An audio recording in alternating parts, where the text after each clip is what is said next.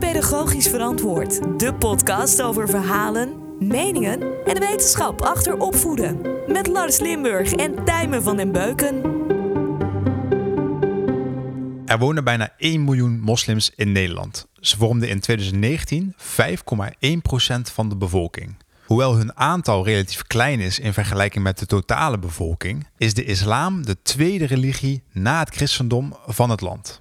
Wat zijn de belangrijkste facetten van de islamitische cultuur wat betreft opvoeding? En in hoeverre zijn er overeenkomsten met de gangbare pedagogiek in Nederland? Vandaag gaan wij van Pedagogisch Verantwoord in gesprek met Hamza Akkar. Hij is geestelijk verzorger, theoloog en werkt bij de Islamitische Pedagogen- en Psychologenpraktijk IPEP. Tijmen, fijn dat we er weer zijn. Ik vind het ook zeer fijn dat we er zijn. En ook weer met dit interessante onderwerp die wij hier van tevoren eerst even gaan bespreken, voordat we naar de gast gaan. Mhm. Want wat kwam er het eerste bij jou op toen wij besloten om het over islamitische opvoeding te gaan hebben? Ik zie in religieuze opvoeding toch een soort van diepere eh, laag al. Hè. Het is niet vanzelfsprekend, want er zijn bepaalde dogma's, regels waar aan gehouden wordt in de opvoeding. Eh, en dat doet mij toch wel denken aan, oké, maar die mensen hebben er dus wel echt over nagedacht van hoe dat kan helpen. Wist jij veel over de islam voor we deze podcast gingen voorbereiden? Nou, toevallig heb ik een minor gevolgd over levensbeschouwing en daar kwam de islam ook in voor. En toen heb ik wel eh, veel meer geleerd ook over wat die verhalen eigenlijk precies inhouden. Hè? Want je kent natuurlijk wel bepaalde dingen van de islam, de profeet Mohammed en eh Koran bijvoorbeeld. En we zijn daar toen een beetje dieper op ingegaan. Maar ja, het is natuurlijk nog één laagje dieper. Hè? Dus ik weet nog steeds natuurlijk niet alles, maar eh, wel precies. meer. Wij zijn natuurlijk ook gewoon deel van de maatschappij. Dus als je aan mij zou vragen van heb je je al een beetje verdiept in de islam, dan zou mijn antwoord zijn ja. Ik, ik zou mezelf absoluut geen islam-expert willen noemen, want daarom gaan we uiteraard ook met Hamza in gesprek dadelijk. Maar ik heb me wel proberen in te lezen in al die heilige boeken, in de verhalen die ze vertellen. En ook de overeenkomsten die de islam heeft met alle andere grote religies, zoals het eh, jodendom, het christendom. Omdat het heeft toch te maken met hoe wij met elkaar omgaan in de maatschappij. En hoe een hele grote groep mensen toch wel wordt gedreven Maar ik vroeg me wel af van, heb jij dan een vooroordeel eh, wat je wilt checken eigenlijk vandaag? Nou, ik wil het natuurlijk wel hebben over de manier hoe we natuurlijk met elkaar moeten omgaan in deze samenleving. Hè? Want ik weet wel dat de grote religies sommige onderwerpen wel wat spannend vinden. Hè? Denk aan afvalligheid, dus dat je niet meer gelooft.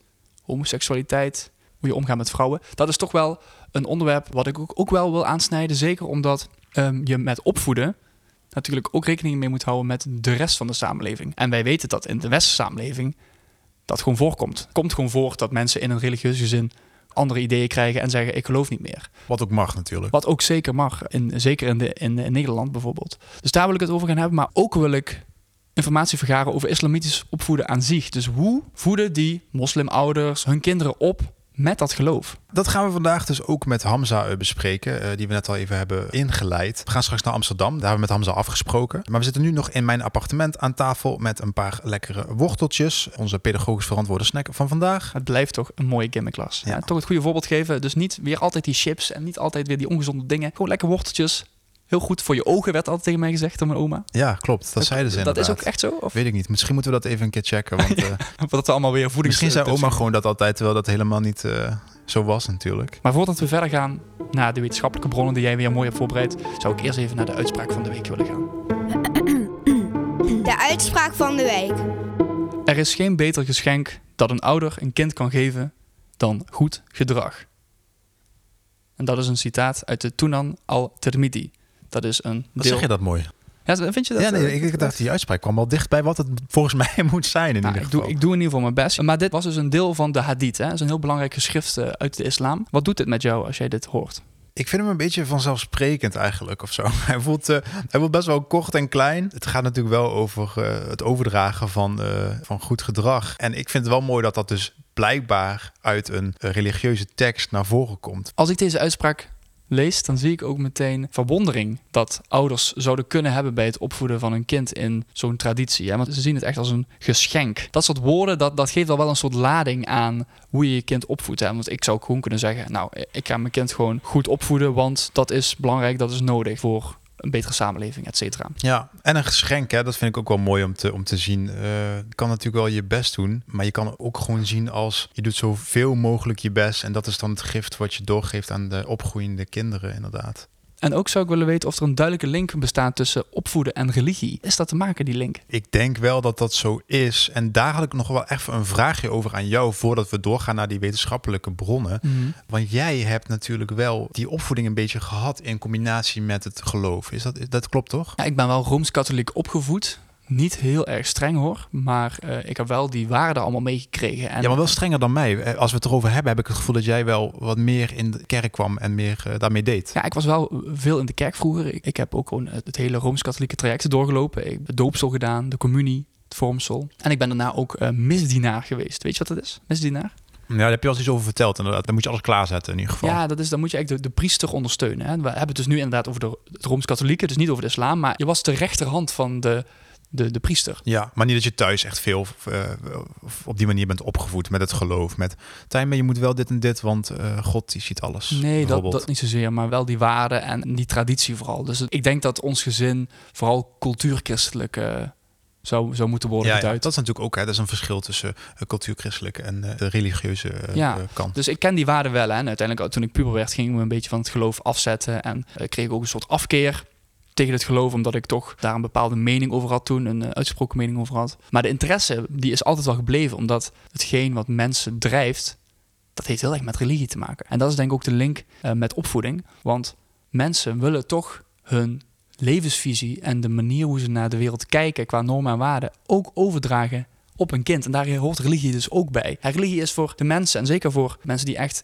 de islam praktiseren, dat is gewoon voor hun de waarheid. Dus zij willen gewoon dat die kinderen die waarheid ook meekrijgen. En daar kun je het niet mee eens zijn. Hè? Als jij gewoon ongelovig bent of jij gelooft niet in een god of in iets hogers, dan snap je dat waarschijnlijk niet. Maar ik denk dat het wel belangrijk is dat we met elkaar hierover gesprek gaan om een soort begrip op te brengen voor elkaar. Ja, dat, en dat is interessant, want we krijgen in wetenschappelijk verantwoord dadelijk antwoord op de vraag: is een moderne islamitische pedagogiek mogelijk? Dan wil ik daar meteen naartoe gaan, Lars. Wetenschappelijk verantwoord. Lars, jij bent opnieuw de wetenschappelijke archieven ingedoken. Je hebt weer wat uh, prachtige bronnen meegenomen. Ik heb ze hier ook voor me liggen. Ja. Wat is het, uh, het eerste pareltje wat je hebt gevonden? Nou, dat is inderdaad dus een antwoord op de vraag: is een moderne islamitische pedagogiek mogelijk? En uh, dat is een onderzoek dat gedaan is door Van Krombrugge en Lafrachi. Van Krombrugge, dat is een dokter in de pedagogische wetenschappen. Hij is hoofdlector in de opleiding gezinswetenschappen van de pedagogische vakken aan de Hogeschool Universiteit Brussel. En Naima Lafrachi is een juriste en onderwijskundige en bijzonder leermeester islam. Dus die mensen weten ook wel waar ze het over hebben. Mm -hmm. En wat uh, hebben zij ontdekt? Nou ja, zij hebben sowieso is goed opgeschreven wat het doel is van islamitische opvoeding. En dat is kinderen opvoeden tot een goede moslim. Nou, dat is natuurlijk best wel logisch dat je dat voor elkaar wil krijgen. Hoe kun jij kinderen dus goed opvoeden volgens een, als een goede moslim? Nou, een goede moslim die geeft zich over aan de wil van God door de Koran en de Sunnah te volgen.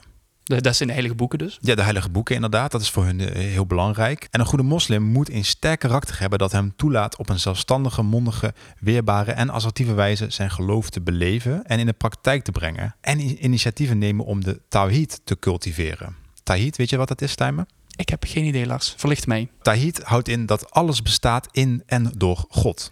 Dus dat is een soort van bewustzijn van dat alles door God uh, gemaakt zou zijn. Ja, dat je inderdaad voelt dat je deel bent van iets, uh, iets groters. En dat je dat uitstraalt naar de mensen om je heen. Hè? En Ja. dat, dat is ook waar wij het in het begin van de podcast over hadden. Van uh, hoe kun je generaties na jou het geloof laten uitdragen. En het interessante wat, wat jij ook net vertelde, is dat ze dus ook zelfstandig, mondig en weerbaar moeten zijn in dat geloof. Dus dat betekent dat ze niet per se iemand moeten napraten of steeds moeten citeren, maar dat ze zoveel kennis hebben dat ze ook vanuit zichzelf over uh, mee kunnen praten. Dat vind ik ook wel, uh, wel interessant. Want dat komt natuurlijk in de westerse pedagogiek ook voor. Hè? En dan is het natuurlijk interessant om te kijken van hoe doet een ouder uh, die moslim is, hoe voed je dan een kind op tot een goede moslim? Mm. Daar zijn ook manieren voor beschreven, want je doet opvoeden tot een goede moslim door het van nature aanwezige intuïtief wezen van God te cultiveren tot volwassen geloof, de fitra.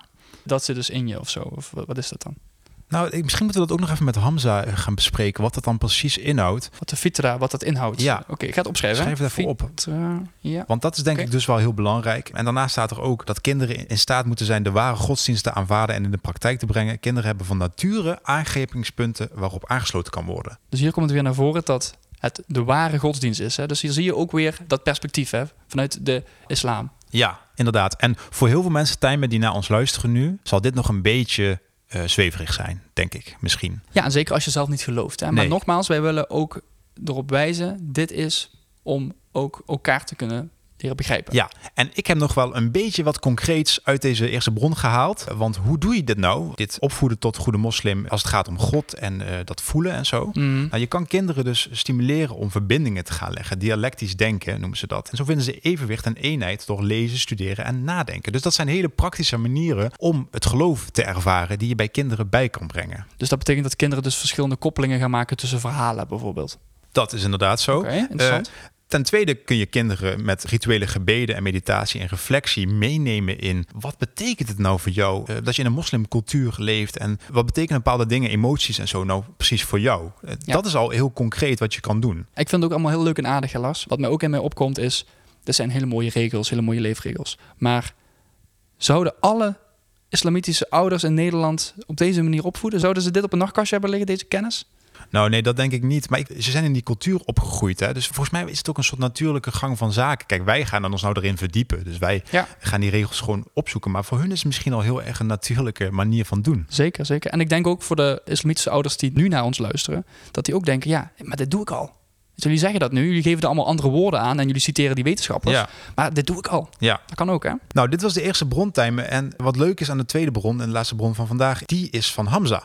Van, Hamza, van onze gast zelf. Die heeft zelf ook iets opgeschreven. Ja, die heeft samen met Latifa Tafik, zij is psycholoog en orthopedagoog en oprichter van de IPEP, Ah, eh, hebben ze samen drie bouwstenen voor islamitische opvoeding gemaakt eigenlijk. Dat is een e-book ja. die je ook van de website kan halen, wat ik gedaan heb. Wat zegt eh, Hamza dan heel kort in dit stuk? En, nou, eh, en de ik denk dat hij het, nou, en ik denk dat hij het ook wel een beetje eens is met onze visie als pedagogisch verantwoord. Want wij vinden natuurlijk altijd dat je kritisch naar jezelf moet kijken als jij gaat opvoeden. Mhm. Hè, naar je jeugd, naar hoe handel ik, naar wat voel ik. Al die dingen. Het begint allemaal bij jezelf. En Hamza en Latifa die zeggen dus, je kan naar jezelf kritisch kijken door middel van drie bouwstenen. En dat zijn opvoeden is tweerichtingsverkeer, relatiebeheer en barmhartigheid. En dat zijn ook belangrijke dingen in de islam.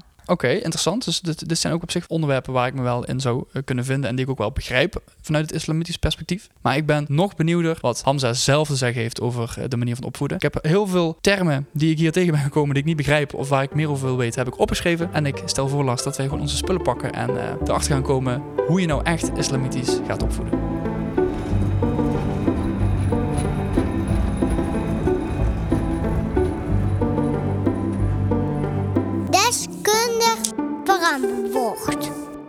Ja, na de tram, de bus en de trein te hebben gepakt, zijn we inmiddels aangekomen in Amsterdam bij eh, Hamza Akkar. Hij is theoloog en geestelijk verzorger. En hij is als spreker en trainer verbonden aan het IPEP. En dat is de Islamitische Pedagogen- en Psychologenpraktijk.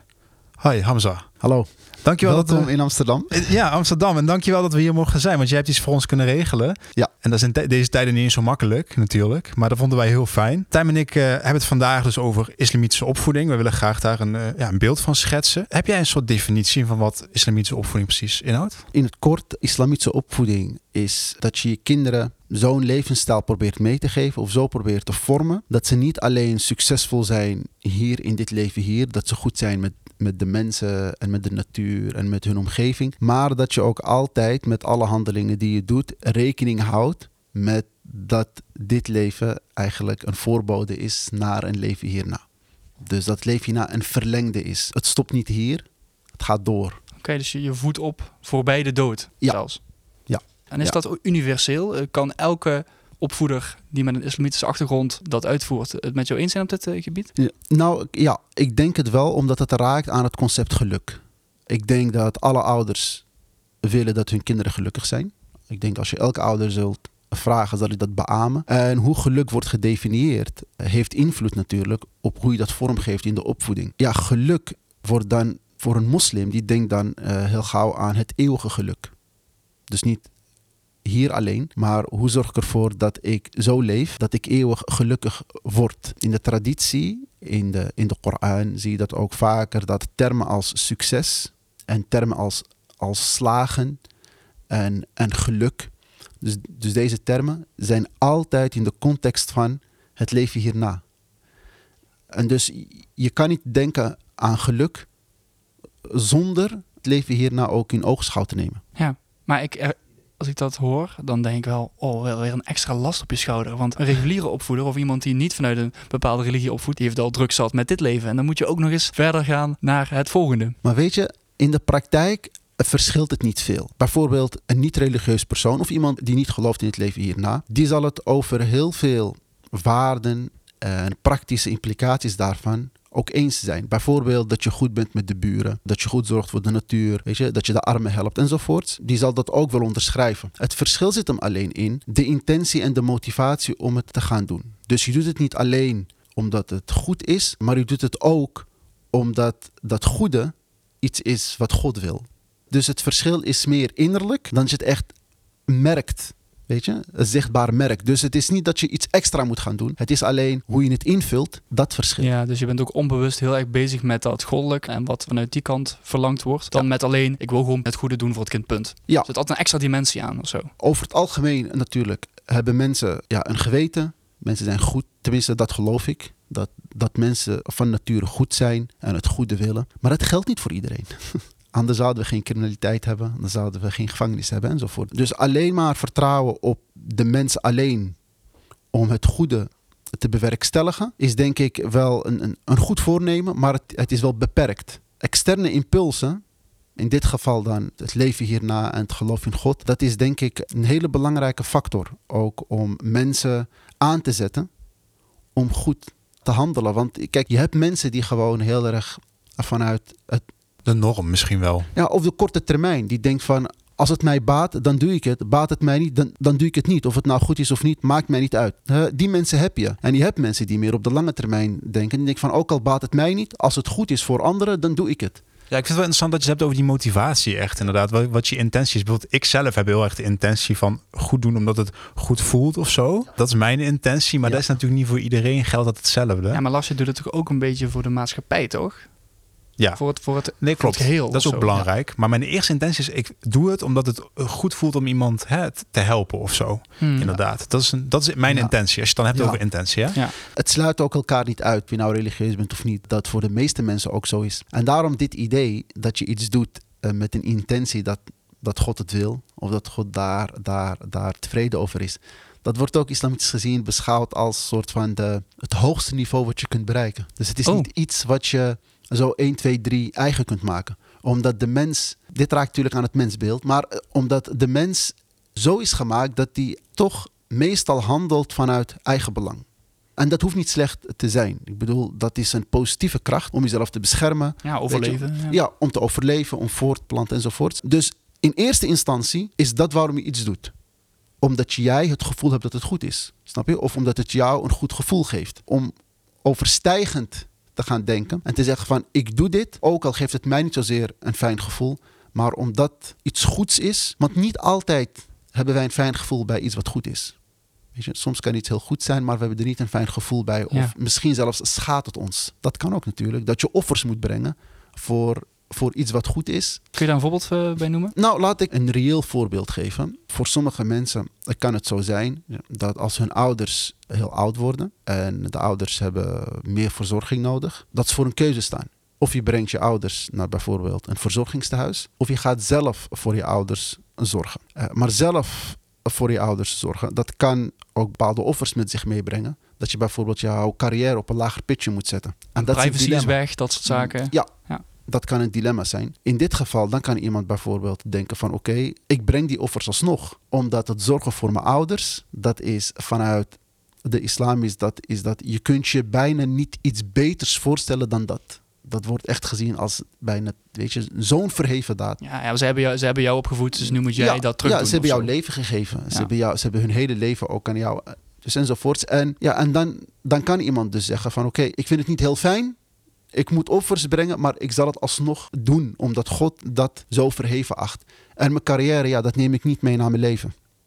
Maar goed voor mijn ouders zorgen wel. Dus snap je, dat is dan het idee. Dat kan dus zo'n dilemma zijn. Je had het al even over dat, dat je zeg maar wordt opgevoed met het hiernamaals een beetje Ja. eh, in het hoofd. Kan je nog herinneren hoe dat bij jou was eigenlijk zelf? Ik weet nog, toen ik heel jong was, mijn ouders hebben me ook heel sterk zo, zo opgevoed van, je doet iets niet omdat wij dat willen of niet willen. God ziet jou overal. en hij hoort jou overal. Dus eigenlijk is God dan ook een soort van mede-opvoeder of zo dan, Ja. in, in dat geval. Ja, heel sterk. Ja, ze, ze, ze gingen heel bewust, dat Gods bewustzijn, dat je iets niet doet omdat iemand je ziet. Vervolgens als hij je niet ziet, dat je dan wel, snap je? Maar meer van, God ziet je altijd. Mhm. En je hebt daar altijd rekening mee te houden. Ja. Ja. dat is bij mij altijd bijgebleven. Dat ik, dat ik soms ook echt voor een keuze sta van moet ik, dan denk ik, oh ja, God ziet mij. Dus oké. eh, Ja, maar ik kan me ook voorstellen dat het wel angstig kan zijn voor een kind. Als je denkt dat er, dat er een hogere macht eh, constant mee zit te Hmm. kijken. Ja, dat kan. Het uitgangspunt bij gelovigen is dat het is de waarheid. Het kan beangstigend zijn, maar het is waar. Dus het, het, is, het wordt niet ervaren als een geloof. Hè? Het wordt ervaren als een feit. Ja, Ja. En aangezien het zo is, Is het niet eng eigenlijk? is het, is het niet eng, maar het is ook niet alleen maar hij, hij ziet jou alleen maar in negatieve zin, maar ook in positieve zin. Dus stel dat bijvoorbeeld iemand jou onrecht heeft aangedaan en je kunt er niks aan doen, God heeft het gezien. Dus je hebt altijd ook wel troost. Uit het idee dat je er niet alleen voor staat. Dus het, het, is, het is niet alleen maar beangstigend, maar ook bekrachtigend. het godsbeeld van de islam is uiteraard dat het een goed wezen is. Het is een goed opperwezen wat het beste met jou voor heeft, toch? Ja, een van de namen van God in de islam is El-Bir, het goede. Ja, Dat is een van zijn schone namen. Allah heeft 99 namen. En dat is een van zijn namen. Dus we gaan altijd uit van het goede bij God. En dat is overigens ook een heel belangrijk concept in Ja. de islam. Dat je uitgaat van het goede Ja. bij God. Dus hij, hij, is, hij is er niet op uit om je te straffen. nee. En Dat zou dan als idee. kind zou dat nog wel eh, je kunnen, ja, hoe zeg je dat, troosten. Ja, en gesproken over opvoeding is het heel belangrijk dat ouders het ook op die manier meegeven. Want je kunt het ook beangstigend meegeven. Ja, tuurlijk. Dat kan. hè, pas op, alleen maar dat, dat vingertje dan. Ja, dus- en dat is ook wat wij wel vaker meegeven. Is dat je, je moet niet alleen over God praten als je kind stout is geweest. God gaat je straffen. Maar praat vooral over God als hij iets goeds heeft gedaan. Ja, precies. Ja, want anders gaat zo'n kind het toch wel zien als een enge man. Je luistert naar Pedagogisch Verantwoord. De podcast over verhalen, meningen en de wetenschap achter opvoeden. Juist. En dan- je krijgt dan negatieve associaties bij God. Dat God er alleen maar op uit is om je te straffen en je te kwellen. Een soort sadistische, eh, weet je, Ja, ja. wezen. ja. Want dat is logisch, dat zou een kind dan denken. hè? Ja.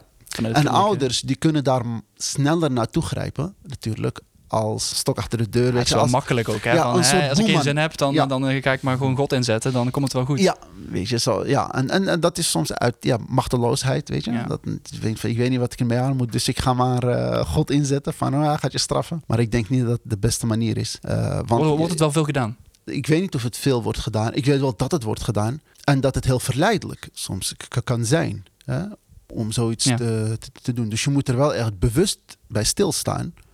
Je hebt het over gevo- gevoel, heb je Ja. het. Hè? We hebben ons wel een beetje ingelezen natuurlijk. Heb je dan ook over die, die fitra, eh, die natuurlijke Oh aanleg? Kun je dat eens Eh, uitleggen? ja, de fitra, dat is een concept in het islamitisch geloof. Dat wil eigenlijk zeggen, heel simpel gezegd, dat de mens is voorgeprogrammeerd. Ja. Je wordt niet helemaal blanco geschapen in die zin. Je wordt wel blanco geschapen als het gaat om weetjes en kennis en ervaringen, maar niet blanco als het gaat om neigingen. Eh, wat wij eigenlijk noemen bij dieren, ja, instinct. Weet je? Hm. En een mens heeft dat ook. En bij de mens is dat een neiging naar het geloof in een hogere macht. Ja. Een mens wil van nature zichzelf overgeven aan een hogere macht. En, En is er ook op zoek naar. en is ook op zoek daarnaar. Existentiële levensvragen leven niet zomaar bij mensen. Wij geloven dat dat er echt ingebakken zit. En dat heeft God gedaan met als reden, dus onder andere, dat de mens hem zoekt.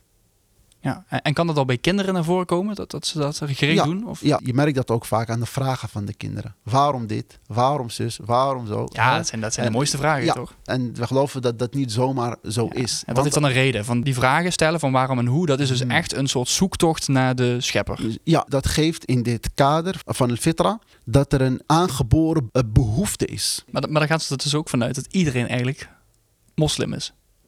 Ja, kijk, iedereen is in die zin moslim als hij erkent dat hij zich ook aan die hogere macht moet overgeven. Nou oké, dus je moet er wel daar ook zelf mee eens zijn. Maar je wordt niet, het is niet zo dat je geboren wordt als een moslim of zo.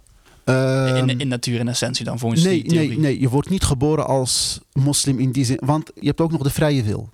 Oké, je, je bent wel zo voorgeprogrammeerd, maar je moet dat ook erkennen en accepteren. Anders, anders zou het geloof heel deterministisch zijn. Ja, en het geloof is dat niet. Het geloof zegt wel van de mensen mogen wel zelf kiezen of ze in me geloven of niet. Ja, want eh, anders heeft het hele idee van een leven hierna en de afrekening enzovoort, Ja. heeft dan eigenlijk geen zin. Want als jij geen verantwoordelijkheid hebt voor wat je doet, dan slaat het ook nergens op om verantwoording af te leggen Ja, voor wat nee, je zeker. gedaan hebt. Dan wordt het wel een hele sadistische god Ja. inderdaad, als dat zo zou zijn. Ehm, ja, Hamza, we hebben het hier inderdaad over opvoeden en over, eh, over de islamitische kijk daarop. Als je dat nou eens vergelijkt met de seculiere opvoeding in, eh, die in Nederland dan het meest wordt gedaan en waar ook de pedagogiek op gebaseerd is. Wat is volgens jou dan de grootste overeenkomst en het grootste verschil? Ik denk dat de grootste overeenkomst is het feit dat alle ouders willen dat hun kinderen gelukkig zijn. Ik geloof echt dat alle ouders, weet je, eh, we willen allemaal dat, dat onze kinderen succesvol zijn, dat ze gelukkig zijn, dat ze gezond zijn enzovoort. Dat is gewoon overstijgend. Het grootste verschil raakt ook weer daaraan. Ik denk dat bij een seculiere opvoeding, daar gaat het meer om dat je succesvol bent en gelukkig bent hier. Want ja, er is geen leven hierna. Dus dat is ook niet een vraag die, ja, die überhaupt speelt bij, bij een seculier gezin. Maar kun je dan zeggen dat een seculier gezin meer in het nu wordt opgevoed? Om het even in moderne New Age termen te Ehm, benoemen. Ja, ik, ik vind nu een lastige term, omdat ook voor gelovigen is nu ook belangrijk. Want nu heeft ook effect op hierna. Snap je? Het is niet zo van, oké, dit leven nu is niet belangrijk. Nee, het leven nu is heel belangrijk. Want het is bepalend voor hierna. Oh ja, oké. Snap Ja, je wat ik ja. bedoel? Ja, hier wordt de investering gemaakt. Op dit moment wordt de investering gemaakt voor ja, hier moet je zaaien. Dus dat zaaien is heel belangrijk. Anders, anders, Maar als het eh, gaat er over succes bereiken, is dat natuurlijk ook zo, toch? Want je moet nu goed studeren of je moet nu goed je best doen om later iets te bereiken. Ja, maar daarom ook, er is geen tegenstelling. Het is niet of-of. Het is en-en. Want ook goed studeren en succesvol zijn wordt in de islam gezien als een uiting van dankbaarheid. Want je zet de goddelijke gunsten in, in het goede. Je zou ze ook anders kunnen inzetten. Je zou jouw intelligentie ook in kunnen zetten voor het slechte. Was ik me nog gaan bedenken dat je als je opgroeit, kom je eigenlijk ook dichter bij God. Toch? Ja, Dus als je je ontwikkelt, als Ja. je werkt aan jezelf, Ja. dan kom je Ja. dichter bij God. ja, want eh, hoe meer jij leert over jezelf, over de schepping, al datgene zijn eigenlijk goddelijke sporen. Het is een schepping van God. Dus ongeacht welk facet jij onder de loep neemt, je zult daar zijn schepping zien en daarmee ook iets over hem. Dat is het idee. Dus die hele scheiding bestaat eigenlijk niet. Tenminste, in, in onze beleving. Het gaat in elkaar over. Hoe sluiten ouders aan eh, op die fitra? Wij geloven dus dat de ouders hebben een hele grote invloed daarop. Op hoe het kind zich vormt. Zeker in de beginperiode. Wat je veel ziet, traditie, in de bronnen, in de primaire bronnen. En wat zijn dan de primaire bronnen dan? Even voor dat de, is een me- goeie. voor de mensen De primaire bronnen, dat is als het gaat om de islam, is de Koran natuurlijk. En de sunnah. De overleveringen over de profeet. En als het gaat om Koran, dan gaat het voor 95% over de waarden. De Koran is niet echt een heel praktisch werk. Het is echt niet van... Meer, meer poëtisch, toch? Ja, en het gaat ook meer over de overkoepelende ideeën. Over de waarden enzovoorts. En de sunnah is heel praktisch, is heel concreet. A doen, B doen, C doen enzovoort. De sunnah wordt gezien als de Koran in de praktijk. Dus wanneer we het hebben over, over opvoeding, zullen we veel meer in de sunnah vinden. Omdat dat laat zien hoe de profeet het deed, Ja, hoe de metgezellen enzovoort. Wat we daar heel veel in, in vinden, is dat in de beginperiode, dus laten we zeggen van 0 tot 6 jaar ongeveer, dat heel veel nadruk ligt op spel, op spelen, spelenderwijs. Dus datgene wat jij ziet als het goede, waar jij in gelooft als het goede, dat je dat introduceert bij het kind, maar op een spelende manier. Want dat is de methode bij hele kleine kinderen om ze iets te leren. Of tenminste, dat is de meest effectieve manier om ze iets te leren. Want ze zijn cognitief nog niet zo ver, ze zijn motoriek nog niet zo ver enzovoort. Maar spelen vinden alle kinderen leuk. En dat is dan de, de manier om onze waarden en onze normen en gebruiken en zo te introduceren. Zijn ze wat ouder, dus vanaf ongeveer 7 jaar tot laten we zeggen 12, 13 jaar, Hmm. dan komt wat meer discipline en regels. Wat hoort en niet hoort, wat wenselijk, onwenselijk enzovoort. Maar ook daarin dat je ze niet heel streng afrekent daarop, want ze, ze worden nog niet beschouwd als aansprakelijk. Ja. En dat is een term die ze gebruiken, dat noemen ze het teklief. betekent religieus aansprakelijk. Dus dat je bij God aansprakelijk bent. Dat begint islamitisch gezien pas vanaf de puberteit. Dan ben je religieus gezien aansprakelijk. Dus als je dan En moet ik dan denken aan 12, 14, 13? Z- Zoiets, dat eh, de puberteit verschilt. Ja. Maar zoiets rond 14, 15, soms kan het zelfs 16 jaar zijn. Dan ben je religieus gezien aansprakelijk. En dat houdt in, eh, concreet, dat dan van je verwacht wordt dat je eigenlijk het gebed verricht. Ja. Het vasten. De religieuze duties, zeg maar, Ja, die van Ja. je verwacht worden. dus de, de handelingen die je na die leeftijd doet, die hebben dus ook invloed op dat hiernamaals, bijvoorbeeld. Ja, ja, ja, ja. En de taak van de ouders, even in grote lijnen, is dat ze het kind voorbereiden voor die teklief. En als ze daar niet hun verantwoordelijkheid in nemen, dan zijn ze ook min of meer mede verantwoordelijk voor hoe het kind zijn leven daarna ook vormgeeft. En natuurlijk, de ouders zijn niet de enige factor van invloed op het kind, maar dat je wel als ouder je best hebt gedaan. En je ziet het ook in de Joodse traditie. Wanneer ze dertien zijn, dan is er een... Uh, ik weet uit mijn hoofd niet hoe dat... Bar mitzwa? Juist, ja. Dus dan ben je eigenlijk van kind naar volwassenheid. Het lijkt er een beetje, het lijkt er een beetje op. Ja, die religieuze volwassenheid kun je dat niet wegdenken in de opvoeding. Maar is er ook niet te veel verantwoordelijkheid al voor, voor een kind? Want dat is nog steeds een kind. Dat ze al een, goddelijke taak hebben. Dat ze, als ik dat zou horen, als uh, stel ik was geloof ik opgevoed, uh, islamitisch opgevoed, en ik zou te horen krijgen, ja, je bent 14 of iets. En uh, nu is het aan jou, dan brak het zweet me wel uit volgens mij. Kijk, in de praktijk is het niet van die staat er nu alleen voor natuurlijk. Want je leeft nog bij je ouders, je leeft in de gemeenschap. Fouten maken, dat is menselijk. In de islamische traditie wordt dat ook heel erg benadrukt. Dat het oké is om fouten te maken. Dat is ook iets wat ik heel vaak benoem als ik workshops geef over opvoeding en zo. Bijvoorbeeld, er is een uitspraak van de profeet die zegt van... Elke zoon van Adam, hij bedoelt elk mens, maakt veelvuldig fouten. Maar de beste van degenen die fouten maken zijn zij die berouw tonen en spijt hebben. Dus fouten maken, dat ga je sowieso doen. Daarvoor ben je mens. Maar de kunst is, en het is dus heel belangrijk dat een kind dat dus ook leert. Dat is, we verwachten niet dat je na je 14 of 15e geen fouten meer maakt. Maar we verwachten wel dat je dus een geweten hebt en een besef hebt. Dat je weet van, oh, dit was fout. En dat je daarop terugkomt. Dan kan iemand zijn eigen leven vormgeven. Uh, maar als je, als, je, als je met idee meegeeft, je kunt geen fouten meer maken. Dat is vragen later om psychische problemen. Want dat is onmogelijk. Maar dan zit ik toch een beetje tijd ook met Ja. dat puberbrein, hè? Ja. Ja. Wat, wat, wat vind jij daar dan van, Hamza? Van dat het idee dat een brein van een puber ook nog niet klaar is voor gewetenskwesties. En... Ik ben op de hoogte van de inzichten over puberbrein. Maar het is niet zo dat een kind dan niet weet wat goed en fout is. Maar bij, een, eh, bij dat idee is het meer van dat een kind nog best wel impulsief is. Ja. En nog niet de lange termijn effecten overziet. En goed, daar heeft hij ook begeleiding in nodig. ja, want juist die lange termijn effecten is in, in de islam dus belangrijk. En dat kunnen ze dus niet overzien. Je luistert naar Pedagogisch Verantwoord met Lars Limburg en Tijmen van den Beuken. Dat een kind dan fouten maakt is ook heel normaal. En eh, wij geloven ook dat berouw en spijt, dat wist de fouten ook weg.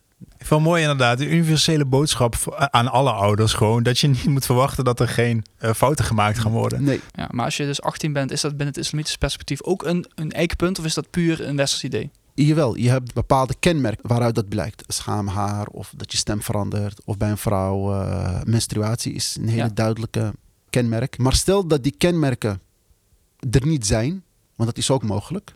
Mhm. Dat, dat bij sommigen dat gewoon niet Ja, gebeurt. Of ja. veel later gebeurt. Dan wordt uitgegaan van 18-jarige leeftijd. En Ah, dat ja. zie je al in hele oude klassieke werken, zie je dat al. Dus 18 is in die zin niet, niet per se een modern idee. Maar dat is eigenlijk, je kan de puberteit uitrekken tot 18 Ja, jaar. Daarna en- is het ook echt klaar. Daarna moet je echt verantwoordelijkheid ja, ja, dan zou die echt wel een volwassene moeten zijn. Ja, ja, ja. Eh, maar in de praktijk begint het al rond 14, 15 bij eh, mannen. Bij jongens en bij vrouwen. Misschien 13, 14 jaar zoiets. Ja, ja, ja, daar hebben we Dus over dat- volwassenheid dat hebben we ook een hele interessante podcast gemaakt, de aflevering 19, voor iedereen aan te raden. Maar eh, Hamza, het is natuurlijk eh islamitisch opvoeden. Hè. We hebben het hier over omdat we kennis willen verspreiden en Ja. ervoor willen zorgen dat mensen elkaar beter kunnen begrijpen. Hè, omdat Ja. het toch ook kan verschillen, de manier van opvoeden. Maar we leven nou wel in een tijd waarin ongelovigheid, om het zo even te zeggen, atheïsme, de overhand heeft, zeker in Nederland. Ja, hoe moet je dan zeg maar als islamitische ouder omgaan met kritiek van circuliere ouders die dat toch niet begrijpen. Die toch denken Ja. van ja, maar dat is toch middeleeuws wat u daar doet. Ja. Dat is toch ouderwets. Dat, is, Ja. dat moet je toch niet meer doen. Dat is niet goed voor een kind. Hoe ga je daarmee om als ouder, als islamitische ouder? Ja, dat hoor je soms. Alleen ik denk dat het goed is om te weten of het je nou religieus bent of seculier of atheïstisch. Opvoeding wordt vormgegeven door de cultuur en de setting waar je leeft. Dus ook een moslimouder in Nederland zal heel anders zijn dan, dan bijvoorbeeld een moslimouder in Senegal. Omdat de cultuur anders is. Dus het is niet van dit is het en op die manier moet je vormgeven. Nee, het zijn bepaalde waarden en bepaalde richtlijnen en een bepaald besef van goed en fout. Uiteindelijk religies gaan om waardesystemen. Wat vindt God goed en wat vindt hij niet goed? In de kern, het komt daarop neer. de cultuur speelt daar een hele grote rol in. Want er, zijn, want er is een heel groot grijs gebied. Ik bedoel, niet alles heeft God een hele duidelijke mening over gegeven. In een heilig boek Dat moeten die ouders dan weten. Heel, een heel groot grijs gebied. En dat wordt vormgegeven door de cultuur. Uh, je zult bijvoorbeeld zien dat het land dan van mijn ouders, Marokko, dat sommige zaken zeer onwenselijk zijn. Wat hier normaal is. Of andersom. En dat hoeft niet per se met religie te maken te hebben. Dat is gewoon. Ja, Kun je een voorbeeld noemen? Homoseksualiteit? Om, bijvoorbeeld? Om, uh, homoseksualiteit, ja, dat, dat is ook zo'n lastig punt. Want kijk, homoseksualiteit raakt aan de waarde, seksualiteit, aan kuisheid, het raakt ook aan die waarden. Aan, aan het gezin. Dat zijn allemaal waarden waar het aan raakt. Want daar kan zo'n circulaire ouders ook wel kritiek op hebben. Want, want ja, de, Klopt. als je het hebt over de islam, dat is toch het vooroordeel van... ja jongens, jullie zijn wel bezig ja. met, met uh, dat vrouwen minder waard zijn... dat homo's niks mogen Ja. doen. Ja, maar, maar dat krijgen die toch te horen, die ouders. Nee, klopt. En daarin denk ik, het raakt aan twee dingen. Het eerste is, wat is de norm? Wat vinden wij wenselijk uh, als het gaat om hoe jij seksualiteit vormgeeft? Dat is één ding. Dus, en daar kunnen mensen in verschillen. En hoe ga je ermee om in de praktijk, in de realiteit? Laat ik een voorbeeld geven. Bijvoorbeeld in het dagelijks leven. Jij zult heel veel zaken tegenkomen waar jij het mee eens bent of misschien mee oneens bent. Puur gebaseerd op hoe jij naar het leven kijkt of hoe jij goed definieert. Laten we zeggen fastfood. Ja. Je hebt mensen die heel bewust gezond leven. En voor hen is McDonald's dat is een soort van Sodom en Gomorra bij, bij, Ja. bij wijze Ja, van. dat is de hel. Ja. McDonald's, dat weet je, dat is toch de, de belichaming van, van het kwaad. ongezonde levensstijl. Ja, ja. Nou ja, betekent dat je dat in de fik gaat steken. Je bent er niet, er niet mee eens. Oké, nou dan koop je daar niks en dan loop je waardig door. Dat is het idee. Dus deze strijd die je soms kunt ervaren als het gaat om waar, is niet alleen maar in religieuze zin. Kan ook niks met religie te maken hebben. Zoals het voorbeeld dat, Ja. dat ik net gaf. En dat zijn die twee dingen. Dus ook als bijvoorbeeld een moslimouder, als het gaat om seksualiteit, uitgaat van de traditionele manier. Dus een man en vrouw, Adam en Eva. En Ja. Dus op die manier. Dat argument. Ja. Dat betekent niet dat wanneer jij in een samenleving leeft waarin ook alternatieven zijn of andere manieren zijn van leven, dat je hen het leven zuur moet maken. Nee, het is wat jij gelooft, oké, dat is prima, maar je hebt nog wel altijd te, te maken met de ander. Ja. Als ik gezond wil, wil leven en ik kom een medewerker tegen van de McDonald's, dan behandel ik hem gewoon even goed. Ja, precies. Dat lijkt me logisch. Zoals elk ander behandel. Ook al zou ik misschien vinden als iemand die gezond dat jij bijdraagt aan een ongezonde. Ik breng het nu misschien, eh, maar dit is om het idee dichterbij te. te Maar jij zegt te- tegen die ouders dus, jullie zijn net zo vrij om je geloof op deze manier te beleven en de opvoeding te uiten. Net zo vrij als die mensen zijn om... eh, Dat is ook hoe dat op scholen gaat. En eh, weet je waar ik ook veel mee, mee Mm. samenwerk, islamitische scholen enzovoort. Gaat dat ook op die manier? Kijk, je hebt een religie en je gelooft in het leven hierna, je gelooft in God enzovoort. En het brengt jou bepaalde waarden mee. Het kan zijn dat de invulling van bepaalde waarden spanning oproept eh, met de dominante cultuur. Dat kan. En Ja. misschien is dat in Nederland als het gaat om homoseksualiteit. Misschien is het ergens anders, iets anders. Dat kan, hè? Zeker. Dat, dat verschilt. Dat zal altijd verschillen als de cultuur geen islamitische cultuur is. Ja, Wat logisch uiteraard, is, want ja. je, bent- je bent de minderheid. Maar daarin zeg ik wel, en ik, ik zeg dat wel vaker wanneer mij deze vraag wordt gesteld, specifiek over homoseksualiteit of over iets anders wat ook Mm. gevoelig is. Ik zeg van, kijk, de diversiteit en de pluriformiteit in een samenleving heeft geen zin meer als we allemaal hetzelfde moeten gaan denken over hoe wij waarden vormgeven. Je zegt Dan- dat verschil is juist mooi. Dat mensen anders naar dingen kijken. Dat houdt Ja, een en- samenleving wat kleur. en zelfs als je die verschillen niet mooi vindt, dat kan ook. Ja, ja. Dat kan ook. Maar zelfs dan denk ik van, moeten we elkaar gewoon de ruimte geven. En iedereen, die kan zijn leven vormgeven hoe die dat wil. En er zijn kaders waar we het allemaal over eens zijn. En die kaders zijn mensen het leven zuur maken. Oh, Dan heb ik het niet eens over geweld, want dat is sowieso een no-go area. Maar voordat we het hebben over geweld, gewoon mensen het leven zuur maken. Mensen de hele tijd treiteren enzovoort. O- Ook dat hoort niet. Nee, en Tijmen, jij zegt over die middeleeuwse, hè, dat idee van die mensen dat het middeleeuws is. Maar we vergeten misschien ook wel dat er een soort diepere laag aan de opvoeding wordt gebracht daardoor. Ja. Dat is ook wel heel mooi eigenlijk, toch? Ook omdat het meer is dan alleen maar gewoon het leven hier. Maar je gaat wat dieper ook met die kinderen meteen praten over bepaalde Ja. onderwerpen waar seculiere Ja, ouders misschien Want er is toch over nagedacht. Het, het komt wel uit de oude geschriften en de overlevering, maar er is toch echt wel goed over nagedacht. Ja. En buiten wat Hamza, wat jij vertelt over eh, de islamitische opvoeding, ik vind sowieso het heel mooi als je met een idee opvoedt, met een, een soort van gevoel echt of zo. Ik word er enthousiast van. Dan heb je dus inderdaad hele mooie factoren. Hè. Tuurlijk, de maatschappij bestaat uit meerdere kleuren en dat maakt het denk ik ook wel spannend en, en, mooi. Maar ook die frictie daarin, die moeten we En- natuurlijk ook niet ontkennen, Hamza. Want, want je hebt natuurlijk ook, wat nu ook weer in het nieuws komt met met een boek van uh, Lali Goul. Die heeft een boek geschreven over, Oh ja, over, haar, ja. eh, over haar islamitische opvoeding. En dat ze dat niet mee eens is geweest. Ja. Stel, Hamza, een ouder komt naar jou toe. Mhm. En die zegt, Hamza, mijn kind zegt dat hij niet meer gelooft. Ja. En dan, hoe moet je daarmee omgaan als ouder? Als islamitische ouder vind je dat vreselijk. Maar je wil een kind ook niet uit de deur wijzen of zo. Wat, ik heb deze vraag ook eerder gekregen. Deze vraag heb ik ook gekregen. En, en ik heb daar ook een video over opgenomen. De boodschap die komt hierop neer. Ik zeg, wat je kind ook daarna kiest, eh, laat hem niet los.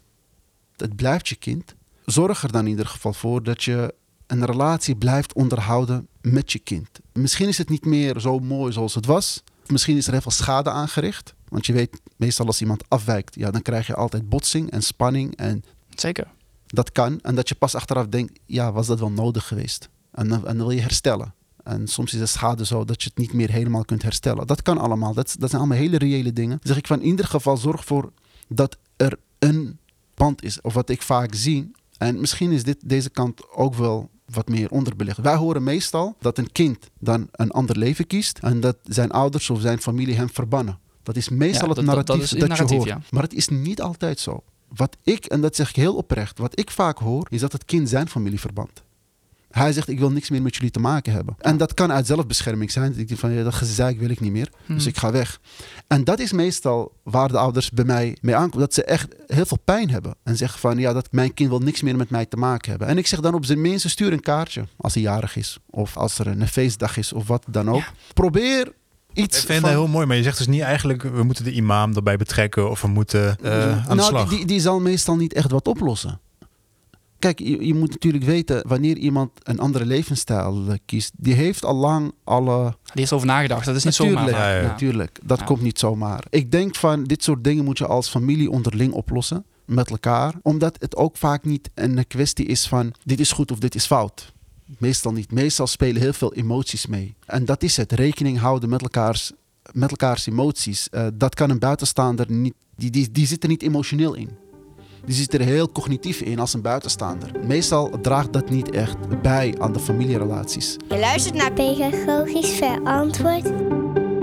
Jij betoogt gewoon top met dat verbannen van beide kanten niet. Ja, ik vind dat echt niet goed, want het veroorzaakt echt heel veel pijn en leed. En ik denk dat is niet nodig. En ik geloof niet dat je islamitisch ook, toch? Eh, Verbannen? Nee, ik, nee ik, het mag ook niet, islamitisch gezien. Als je ook ruzie hebt met een persoon, dan mag je niet langer dan drie dagen elkaar boycotten. Ja, na drie heel, dagen... heel strak, heel, ja, heel ja daar is echt een hele Ja. richtlijn. En, en na drie dagen moet een van de twee het goed maken. En er is zelfs in de traditie, als je een jaar lang elkaar boycott, wordt dat beschouwd als, alsof je moord hebt gepleegd. Oh, Je doet alsof die persoon niet meer bestaat. Als- Dus snap je, als je hem vermoord hebt. Dat is eigenlijk om je aan te zetten om zoveel mogelijk te herstellen. Met de verschillen en met de oneenigheden. Mooi. Ja. Herstellen Ja. is heel belangrijk. En bovendien ook homoseksualiteit. Dat is er altijd geweest. Hè?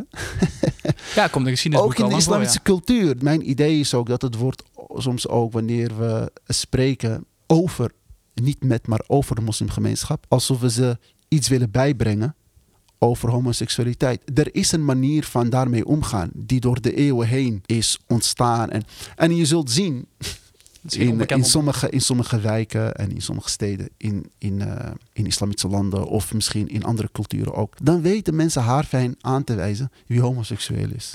Maar men gaat zich op een bepaalde manier past zich aan, die weet dat. En mensen leven gewoon met elkaar. En het is een cultuur niet van dingen zo sterk en strak benoemen. En dat is niet alleen met homoseksualiteit. Dat is ook zo bijvoorbeeld wanneer ze weten van dat een vrouw bijvoorbeeld wat losjes is. En, wat bedoel je daarmee dan? Nou, die, die, die niet leeft binnen die kaders van gezin. Ja, die, die gewoon voor en meerdere, seksu- seksuele partners ophoudt. Of, Ja, eh, bijvoorbeeld prostitutie is ook iets van alle tijden. ja, goed, maar er is natuurlijk een is- verschil tussen prostitutie en iemand die gewoon Nee, meerdere backpartners heeft. gehad. Ja, maar dat, kijk, dat is afhankelijk van vanuit welk paradigma je ernaar kijkt. Eh, Ja, precies, je? Waar ja. het mij om gaat, is wat afwijkt van de norm. En, en de norm De is de norm. geldende norm. Dus hoe daarmee wordt omgegaan, is niet het, het benoemen, zo scherp maken enzovoorts. Maar meer van als je het niet zo scherp maakt, dan kunnen we met elkaar leven. Want dan, dan hou je het een beetje op de achtergrond en, en dat is verder prima. Ik weet in sommige dorpen waar ik ook kom in eh, Marokko, dan weten mensen van die en die. En ze maken er ook grapjes over. En die persoon kan, die doet soms ook gewoon aan zelfspot. Dat, dat zie je ook. En Maar het is niet Dat niet is- dat hij gestenigd wordt of bekogeld of dat, dat beeld wat je dan zou kunnen hebben. Nee, en ik vind het jammer dat dat, dat het beeld is wat heel overheerst, waardoor je ook zo'n hele allergische reactie krijgt Die krijg je dan terug dan, die allergische reactie. Juist. Ja. tegen de moslimgemeenschap wanneer we het hierover hebben. En niet zo met een beetje een bepaalde nuchterheid eh ernaar kijken. Ja. Het idee van uit de kast komen, dat is een manier van daarmee omgaan. Niet iedereen die homoseksuele ge- gevoelens heeft, zal dat onderschrijven. Zal zeggen van ja, uit de kast te komen, dat is de manier om daarmee om te gaan. Ik, ga, ik ga je een voorbeeld geven wat ik zelf heb meegemaakt. Ja. was een jongen van 22, die wilde heel graag mij spreken. Goed, ik had hem ingepland. Hij worstelde met homoseksuele gevoelens enzovoorts. Ik had hem de vraag gesteld. Ik zei, waarom wil, wil je mij per se spreken? Want kijk, ik zou ervan uitgaan. Hè? Je ziet een baard, een beetje imam. En de laatste die je wil spreken ben ik. ja, dat heb ik hem heel eerlijk gegeven. Ja. En ik geloof ook in oprechte, eerlijke gesprekken, weet je. En daar niet Wij omheen. Ja, daarom ga ik ook op dit punt in, want ik kan er ook een beetje vagisch over Omheen, blijven. eh, ja. ja. Nee. Nee, gewoon, het speelt, dus we moeten erover praten. Dus, eh, en weet je wat hij tegen mij zei? Hij zei, ik ben langs twee psychologen geweest.